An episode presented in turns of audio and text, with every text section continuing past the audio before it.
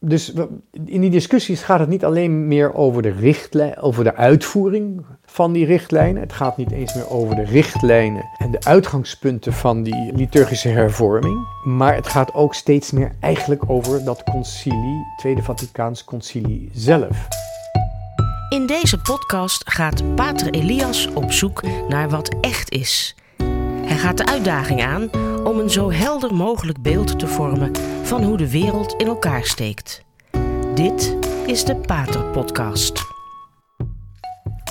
Beste luisteraars, ook al heb ik er geen zin in, ik moet toch even reageren op um, het motu proprio van Paus Franciscus, Traditionis Custodes, dat um, in de maand juli werd um, gepubliceerd op 16 juli 2021, dat wil zeggen het feest van onze lieve vrouwen van de berg Carmel. Dat motu proprio is eigenlijk een, ehm, een zeer strenge maatregel, zoals eigenlijk niemand uh, verwachtte van deze paus, want echt veel strenge maatregelen heeft hij uh, tot nu toe nooit uh, uitgevaardigd. Een zeer strenge maatregel waar als je dat leest, dan ja, betekent het eigenlijk dat hij uh, wil dat langzamerhand uh, het vieren van de Tridentijnse mis in de katholieke kerk, dus de, de oude traditionele mis, um, dat dat uh, vieren langzamerhand gaat stoppen. dat het eigenlijk langzamerhand zal wegkwijnen. Wat dat betreft, hij had het beter gewoon direct helemaal kunnen verbieden. Um, dat was wat eerlijker geweest en wat duidelijker. In, um, dat gebeurt dus niet. Het wordt niet in één klap verboden, maar het wordt eigenlijk eh, met allemaal maatregelen wordt het uh, langzamerhand uh, onmogelijk gemaakt of heel omslachtig wordt het gemaakt. Een omslachtige toestanden worden geschapen om um, die mis langzamerhand ja, uit te bannen uit het kerkelijk leven. Of in ieder geval zo te beperken dat het geen echte uh, normale viering meer is, maar meer een, uh, een excentrieke uh, liturgie voor excentrieke mensen die volledig in de marge van de kerk zijn weggedrukt. Wat dat betreft is het een beetje vreemd dat die traditionele mis ineens naar de marge van de kerk wordt gestuurd, terwijl ja, de paus zegt altijd dat hij zo graag naar de marge gaat. We moeten de marge opzoeken. Nou, daar zullen we dus, ehm, als dit eh, allemaal eh, zo doorgaat, dan zullen we binnenkort in de marge zullen we de Tridentijnse mis ook eh, terugvinden. Het is een, een heel merkwaardig document, um, omdat er heel weinig redenen staan waarom de paus die Tridentijnse mis wil beperken. Er wordt, worden één of twee dingen een beetje geïnsinueerd, maar met uh, concrete details uh, komt dit document niet. Ehm, het blijft, en helaas is dat toch wel vaker te zien tijdens dit pontificaat, het blijft bij insinuaties. Je weet nooit precies van wie bedoelt hij nou. En waar is, nou, waar is het nou precies fout gegaan en waarom is het nou misgegaan? Er zit daar eigenlijk geen enkele analyse in. en zeker niet een analyse vanuit het perspectief van, van de zielzorg.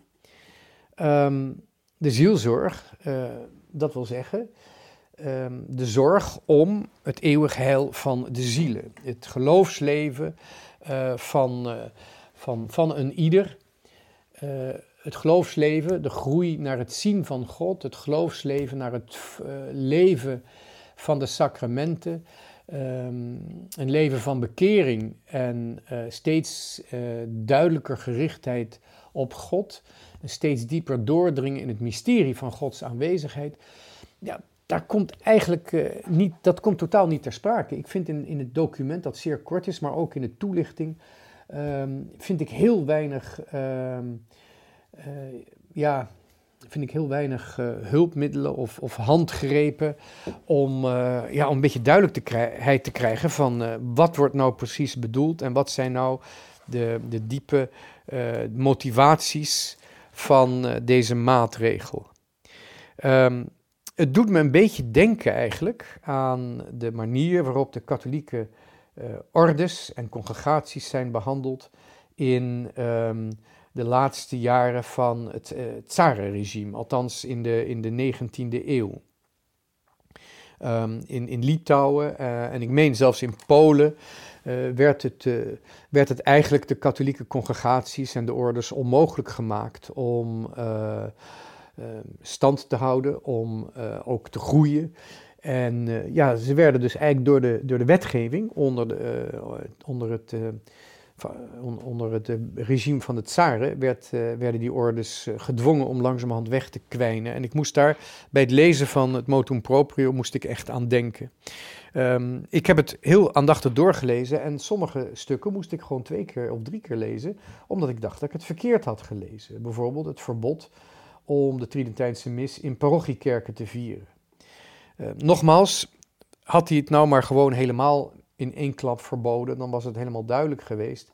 En nu blijven we eigenlijk in een, uh, ja, met een wrange nasmaak blijven we, uh, ja, blijven we zitten met, met allerlei onduidelijkheden van wat bedoelt hij en, en, en wat, hij heeft hij, wat heeft hij tegen. Hè? Wat heeft de paus tegen die mensen die de traditionele mis vieren? Um, ja, wat is mijn praktijkervaring daarmee? Ik vier ook de Tridentijnse mis. Het is niet voor mij een exclusieve mis. Uh, wat dat betreft, ja, probeer ik ook gewoon de kerk te gehoorzamen. En stel ik niet mijn handen, mijn hart, maar ook mijn verstand ten dienste van de kerk, die door God gegeven is, om de zielen ehm, te richten, te helpen richten op God. En ook de aanwezigheid van God aan die zieligen niet alleen te verkondigen, maar ook uh, um, ja, de, de, aanwezigheid van God ook te, te, realiseren in de heilige mis, in het biechtsacrament, in het doopsel. Nou goed, laat ik het zo zeggen, in alle zeven sacramenten. En juist voor wie dat op het oog heeft, die denkt aan het vlees geworden woord van God, uh, Jezus Christus en zijn kerk en het heil van de zielen.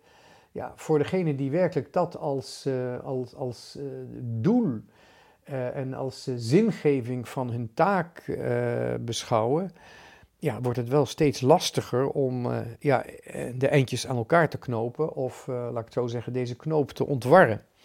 want wat is mijn praktijkervaring met mensen die naar die Tridentijnse mis gaan?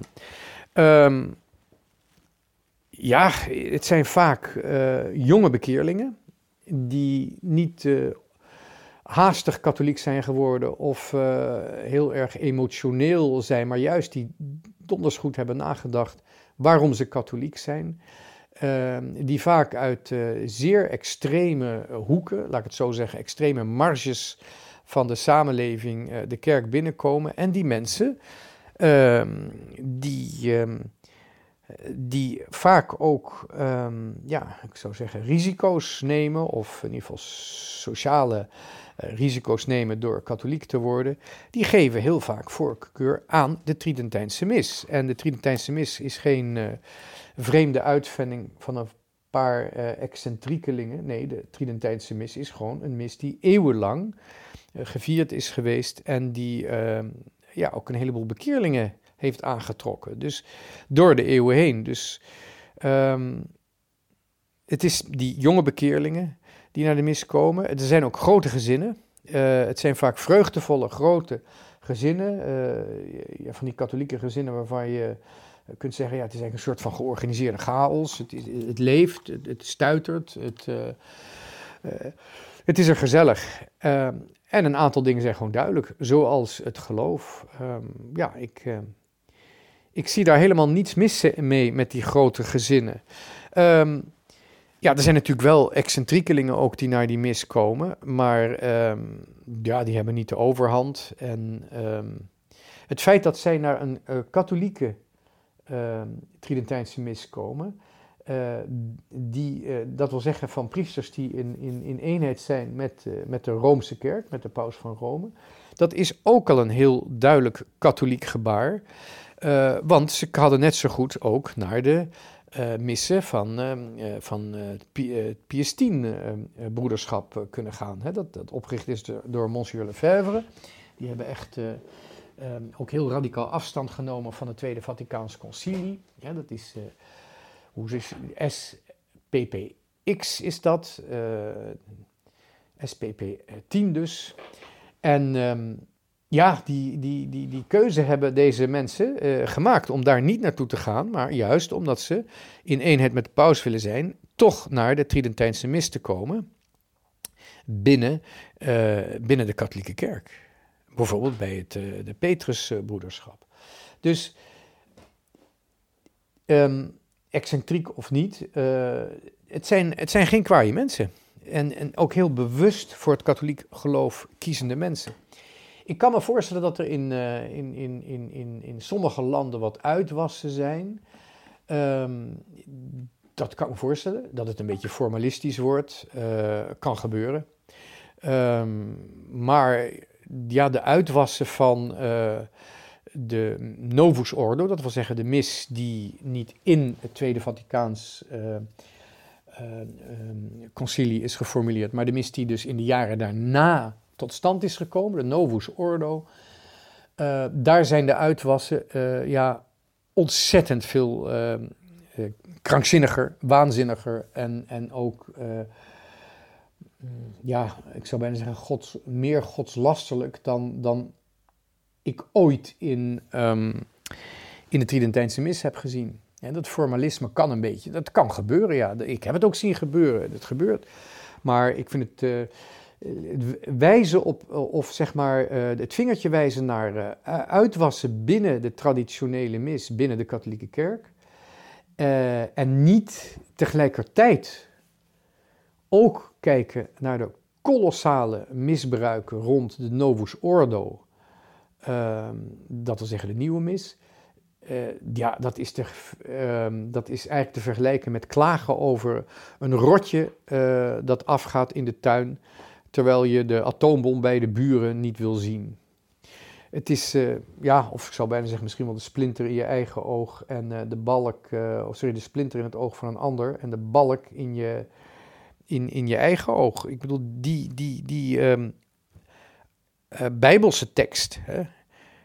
haal eerst de balk uit je eigen oog voordat je de splinter uit het oog van je buurman haalt. Ja, dat vind ik hier echt van, op van toepassing.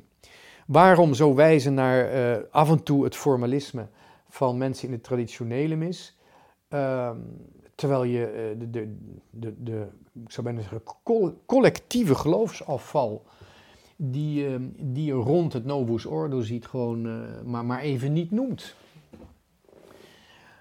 Um, dus waar, waarom die haat tegen de mensen die van die Tridentijnse mis houden, ik begrijp het gewoon niet. Um, in de, in de discussie zie je dus ook de verbijstering en de verwarren van een, eh, verwarring van een heleboel mensen. Um, ik zie overigens wel dat er, uh, omdat ik af en toe ook die, die traditionele mis vier, zie ik wel uh, wat de. Ja, ik, ik kan die missen vergelijken vanuit mijn eigen beleving. En dan heb ik het niet over mijn emoties, mijn gevoel en mijn verstand, maar over gewoon als ik mijn eigen vroomheid, hoe zwak die ook is. Want ik ben niet zo'n vrome jongen, althans, uh, ik heb geen natuurlijke aanleg voor vroomheid, maar als ik gewoon een beetje kijk van hé, hey, bij welke mis ben je nou het meest op God gericht? Bij welke mis heb je het gevoel, uh, ook al springen de vonken niet af van mijn gebed, maar bij welke mis is mijn wil om tot gebed te komen, mijn wil om God te benaderen, uh, welke mis voedt dat verlangen het meest? Ja, dan zeg ik toch, eigenlijk als ik alleen de mis vier, is dat de traditionele mis. Um, ik kan wel wat verbeteringen uh, zien uh, bij, bij de nieuwe mis. Ik vind het heel mooi. Bijvoorbeeld de lezingencyclus. Uh, ik word er ook in gesteund door kardinaal Sarah, die daar hele mooie dingen over heeft gezegd. Um, de lezingencyclus van de, van de Novus Ordo vind ik prachtig. En dat, dat, dat geeft je ook voer om te mediteren als je, ja, zoals ik, dagelijks die mis wil vieren. tegelijkertijd um, vind ik het ook mooi dat de lezingen in de nieuwe mis naar het volk toe zijn. En in de volkstaal. Dat lijkt me een, een, een verbetering. Uh, ja, preken doe je natuurlijk altijd naar de mensen toe. Ook al kijk je naar God, maar je moet toch ook de mensen in de gaten houden. je kunt, uh, je kunt precies zien als de mensen in slaap vallen tijdens je preek, of als, het, uh, als ze lachen, als, als een, een grap aankomt. En je, ziet het, je ziet gewoon of het klikt of niet tijdens de preek. Dus het, is goed dat je de mensen uh, ziet en dat de mensen jou zien tijdens de preek. En ik vind eigenlijk ook bij het voor, voorlezen, je mond zit aan de voorkant, dat je je naar de mensen toe, toekeert. Dat is ook als liturgisch gebaar lijkt me dat juist.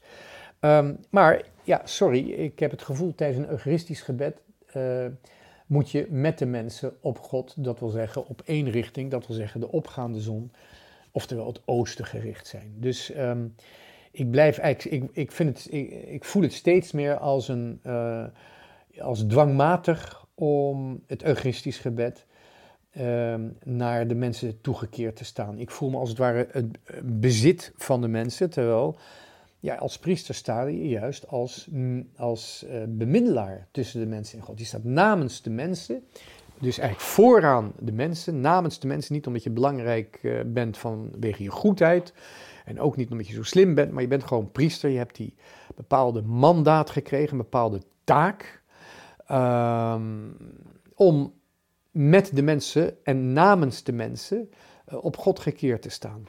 Uh, naar God gekeerd toe te zijn. En dat is dus in de, op God gericht te staan. En dat is dus de reden waarom ik het, het gebed eigenlijk volkomen uh, natuurlijk um, ja, tussen God en mens, op God gericht, uh, moet opdragen. Het misoffer, um, ja, naar de mensen toegericht staan, dat staat ten eerste niet in Vaticaan II. Ik meen zelfs dat het ook helemaal niet, niet bestaat in de um, documenten die de, de liturgische uh, hervorming van het Novus Ordo aangeven. Um, ja, hoe dat gegroeid is, weet ik ook niet. Hetzelfde geldt een beetje voor communie op de, op de, in, in de hand. Het is echt immens triest dat die communiebanken zijn verdwenen, dat er niet meer wordt geknield, dat het niet meer op de tong wordt gegeven. Het zijn allemaal vernieuwingen uit het brein van wellicht, nee, daar ga ik van uit, goedwillende theologen, maar die toch een beetje ja, te zweverig zijn geworden, zoals vaak met intellectuelen gebeurt. Dat is gewoon een risico. Als je intellect, intellectueel bent, dan ja, kun je wat zweverig worden en je idealisme gaan projecteren op de mensen. En dat is zeker in die tijd na het Vaticaans, Tweede Vaticaans Concilie gebeurd. Een heleboel priesters en theologen die zijn zo zweverig geworden dat de mensen ja, de kerk zijn uitgelopen. Helaas is het wel zo. Um, dus uh, het, het, het, is een, het is een hele. Uh, ja, het is, het is heel merkwaardig. Ik, ik zie wel het. het, um, ook een zekere. Uh, ja, met name de kalender is, uh, is wat mij betreft erg vervelend. Het verschil in de kalender. Hè, vandaag wat is het, uh, eh, 10 september um, heb je, um, of nee, het is waarschijnlijk vandaag, wat is het, 9 september, um, heb je verschillende heiligen volgens de twee kalenders. en vooral met belangrijke heiligen. vorige week vrijdag had je in de oude ritus Pius X. Nou, dat is niet de minste paus, dat is een hele belangrijke paus. Zeker als we kijken naar de crisis in de kerk vandaag de dag, die Pius X gewoon keihard heeft voorzien en ook heeft geprobeerd daar de kerk tegen, de te, tegen te vaccineren. Pius X is gewoon een grote paus. Ja, dat is volgens, volgens de traditionele mis is zijn feestdag 3 september, afgelopen vrijdag. Terwijl, um, ja, terwijl volgens de Novus Ordo is het uh, Gregorius de Grote. En uh, ja, die heet niet voor niets Gregorius de Grote, dat is ook een grote paus. Ja, dus welke moet je nou vieren? Um, dus dat die twee kalenders vaak ja, niet met elkaar overeenkomen, dat, dat vind ik heel jammer. Dat vind ik heel jammer. Maar goed, je kunt er een mouw aan passen. Wie weet komt er nog, het is nog weer een concilie of andere motu proprio's die dat weer een beetje rechtzetten. Wanneer dat zal gebeuren, weet ik niet. Want uh, ja, de verwarring die we de laatste jaren meemaken in de kerk is inmiddels zo groot geworden. En um, ja, de mensen die. Uh, ik zeg niet zweren bij de traditie, maar die toch zeggen, ja, de traditie kan niet zomaar overboord worden gegooid. Die mensen hebben het heel erg moeilijk op het ogenblik. En uh, de, de vertwijfeling slaat ook toe. En ik hoop wat dat betreft dat we spoedig meer helderheid zullen krijgen. En ook wat meer respect voor mensen die uh, met risico geloven. En dan bedoel ik uh, de bekeerlingen hier um, dicht bij huis maar ik bedoel natuurlijk ook vooral ook uh, katholieken in, uh, in landen als China, uh, ook in India, allerlei landen waar katholieken vervolgd worden. Je hebt af en toe het gevoel dat er niet echt naar eh, oorzaken van vervolging wordt gezocht. Um, um, de, de katholieken bijvoorbeeld in Pakistan, ik kan niet anders zeggen, die worden op een schofterige manier behandeld. Ja, wanneer worden de, uh, de islamitische uh, autoriteiten nou eens uh, ter verantwoording geroepen over hun houding tegenover over christenen. Ja, we kunnen natuurlijk prachtig conferenties organiseren en daar met deze islamitische autoriteiten praten. Maar um, het is misschien niet de leukste taak van, van, van de katholieke kerk. Maar um, wij zijn toch in de katholieke kerk vertegen wij uh, Christus. En het is ook al hebben wij uh, de mensheid niet uh, tot verantwoording te roepen, maar wij moeten wel, en dat hoort gewoon, dat is een wezenlijk, wezenlijk aspect van de zielszorg. Daar begint het mee en daar eindigt het mee. Wij moeten de mens herinneren dat hij niet alleen geschapen is, maar ook aan het eind van de tijd die hij krijgt in deze wereld, dat hij ter verantwoording zal worden geroepen. En uh, dat betekent niet dat we moeten beschuldigen, maar we moeten wel de mens herinneren aan die verantwoording en uh, daar duidelijkheid over geven. En als ik zie hoe er uh, voor heel erg veel over dialoog wordt gepraat en ook uitgebreid en uitbundig dialoog wordt gevoerd, dan vraag ik me wel eens af, komt dat wel eens ter sprake? Komt het laatste oordeel uh, en het persoonlijke oordeel van iedere ziel na de dood, komt dat wel eens ter sprake in wat wij heel modieus de dialoog zijn gaan noemen. Ik vraag me af en ik ben bang dat het antwoord uh, nee is of nauwelijks. Hoe kun je nou um, een dialoog voeren um, met mensen die niet jou vervolgen, maar wel je medebroeders elders in China of, of waar dan ook? Ja, en dat zijn allemaal uh, aspecten van, van het, het, het, het, het geloofsleven van de kerk van vandaag, waar uh, ja, helaas vanuit het leergezag van de kerk heel weinig duidelijkheid over wordt gegeven. Er wordt af en toe wel eens gewezen op het feit dat we moeten bidden voor vervolgden. Dat klopt ook, dat moeten we ook, maar van de autoriteiten van de kerk zou ik toch iets meer duidelijkheid verwachten over over die vervolgingen en ook wat concretere richtlijnen um, en wat concretere woorden uh, over die uh, vervolgingen. Wat langzamerhand, wat ik in, uh, boven zie komen in de heisa rond het motu proprio, is eigenlijk um, dat de reacties van een heleboel mensen zijn er erg halfslachtig over. Uh, veel autoriteiten weten heel duidelijk niet wat ze ermee aan moeten. De, de, de, de uitvoering van de besluiten worden uitgesteld. En alleen dat uitstel is al eigenlijk in strijd met het motu proprio. Want uh, ook al uh, verbiedt het motu proprio, traditionis custodes, ook al verbiedt dat motu proprio niet uh, met directe ingang de traditionele mis, maar de maatregelen die moeten worden genomen om langzamerhand die, die uh, traditionele mis te doen verdwijnen, die zijn wel vanaf het moment van de afkondiging van deze motu proprio geldig.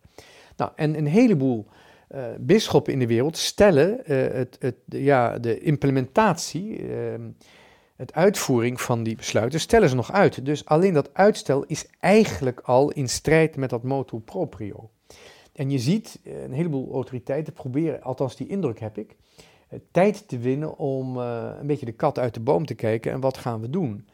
En in de discussies die zij hierover hebben en de discussies die er gaande zijn, gaande zijn, zie je eigenlijk dat er iets aan het openscheuren is, dat wel een beetje onderhuids aanwezig is geweest, maar wat nu naar, naar boven komt. Dat is namelijk niet zozeer de discussie over de traditionele mis. Uh, en over de uh, hervorming van de mis in de jaren uh, na het Tweede, Kaans, Tweede Vaticaans Concilie, zowel de principes die zijn aangegeven, de richtlijnen zijn aangegeven voor die nieuwe mis, het Novus Ordo, als de praktische uitvoering. want die richtlijnen, die richtlijnen zijn al vrij ja, laten eigenlijk uh, veel onduidelijkheid over. En de uitvoering van die richtlijnen, dat kunnen we gewoon eigenlijk uh, gewoon nu zeggen, dat is een zootje geworden. Dat is uh, een, een, een, puinhoop geworden. Zeker in een land als, als, als, als Donze, als Nederland. Um, dus in die discussies gaat het niet alleen meer over de, richtlijn, over de uitvoering van die richtlijnen. Het gaat niet eens meer over de richtlijnen en de uitgangspunten van die, uh, liturgische hervorming. Uh, maar het gaat ook steeds meer eigenlijk over dat concilie, Tweede Vaticaans Concilie zelf. Ik denk dat het onvermijdelijk is dat uh, ja, nu als het ware het gordijn gescheurd is, ehm, dat dat Vaticaans Concilie ook, ook al zou ik het niet willen, het gebeurt gewoon, ook ter sprake komt. En ehm, ja, dat brengt in feite uh, nog veel meer naar boven dan alleen de liturgie die je viert. Het gaat nu over um, wie hebben uh, dat concilie geschreven? Wat zijn hun intenties? Uh, zitten er fouten in? zitten er zwakheden in? Hè? Een zwakheid hoeft geen fout te zijn. Uh, zitten er uh, onduidelijkheden in? Uh, zijn er dingen die we nu zouden moeten aanvullen? Zijn er dingen die we eigenlijk zouden moeten corrigeren? Dat hele Vaticaans concilie, dat komt nu eigenlijk als een soort van, ja, ik zou bijna zeggen, schip dat je uit de diepte van de oceaan haalt. Of, of een schat, laat ik het zo zeggen. Een soort van grote schat die je aan het opgraaft uh, die opgave, komt dat nu naar boven en we zullen eens kijken van wat er in die kist eigenlijk zit. Dus um, dat is een, een, ik zou bijna zeggen, een, uh, een bijwerking van dit motu proprio, die um, veel uh, grotere gevolgen zal hebben dan alleen um, liturgische gevolgen. Maar het gaat werkelijk de, de, de fundamenten van een concilie die komen nu boven te liggen. En uh, ja, hoe die discussie zich zal ontwikkelen, um, ja, daar uh, kunnen we ons zorgen om maken of niet. Maar uh, we zullen ons daar steeds meer over moeten buigen. Van um, welke kant gaat het uit en welke plaats moet ik hierin nemen? Hè? Dus we krijgen hele interessante tijden, omdat we aan de ene kant een, door de verwarring en de onduidelijkheid die er is, zien we een goede groeiende disintegratie om ons heen binnen de kerk. Uh, alsof het nog verder kan. Uh, ik had nooit gedacht dat het nog, nog verder kon gaan in, uh, in, in, Nederland. we hebben al bijna geen kerken meer over. Ehm, in Brabant, waar ik nu woon, is, is een zeer, zeer rijkelijk kerkelijk leven. Bijvoorbeeld in de stad van Tilburg. Daar is praktisch niets van over. Um, en we zullen dus steeds, ja, ook al is het heel, heel um, klein en arm, maar we zullen dus echt een heel helder licht nodig hebben, een licht van het geloof, om hierin uh, in, in duidelijkheid te krijgen. Ja, dit is een wat lange uh, paterpodcast geworden met een, een, ja, een heel erg open eind. Um, we zullen er nog vaak op terugkomen, maar um, voor zover ik in staat ben om al er iets over te zeggen en mijn vermoedens uit te spreken, is het bijna een, een, een, half uur lang deze podcast en dat is uh, lang genoeg. Um, ik zou alleen nog willen zeggen bedankt voor dit lange luisteren en graag tot de volgende keer.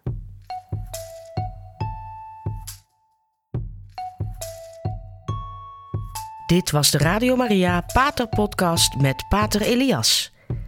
Deze podcast is online terug te luisteren via de website van Radio Maria en andere podcastplatforms.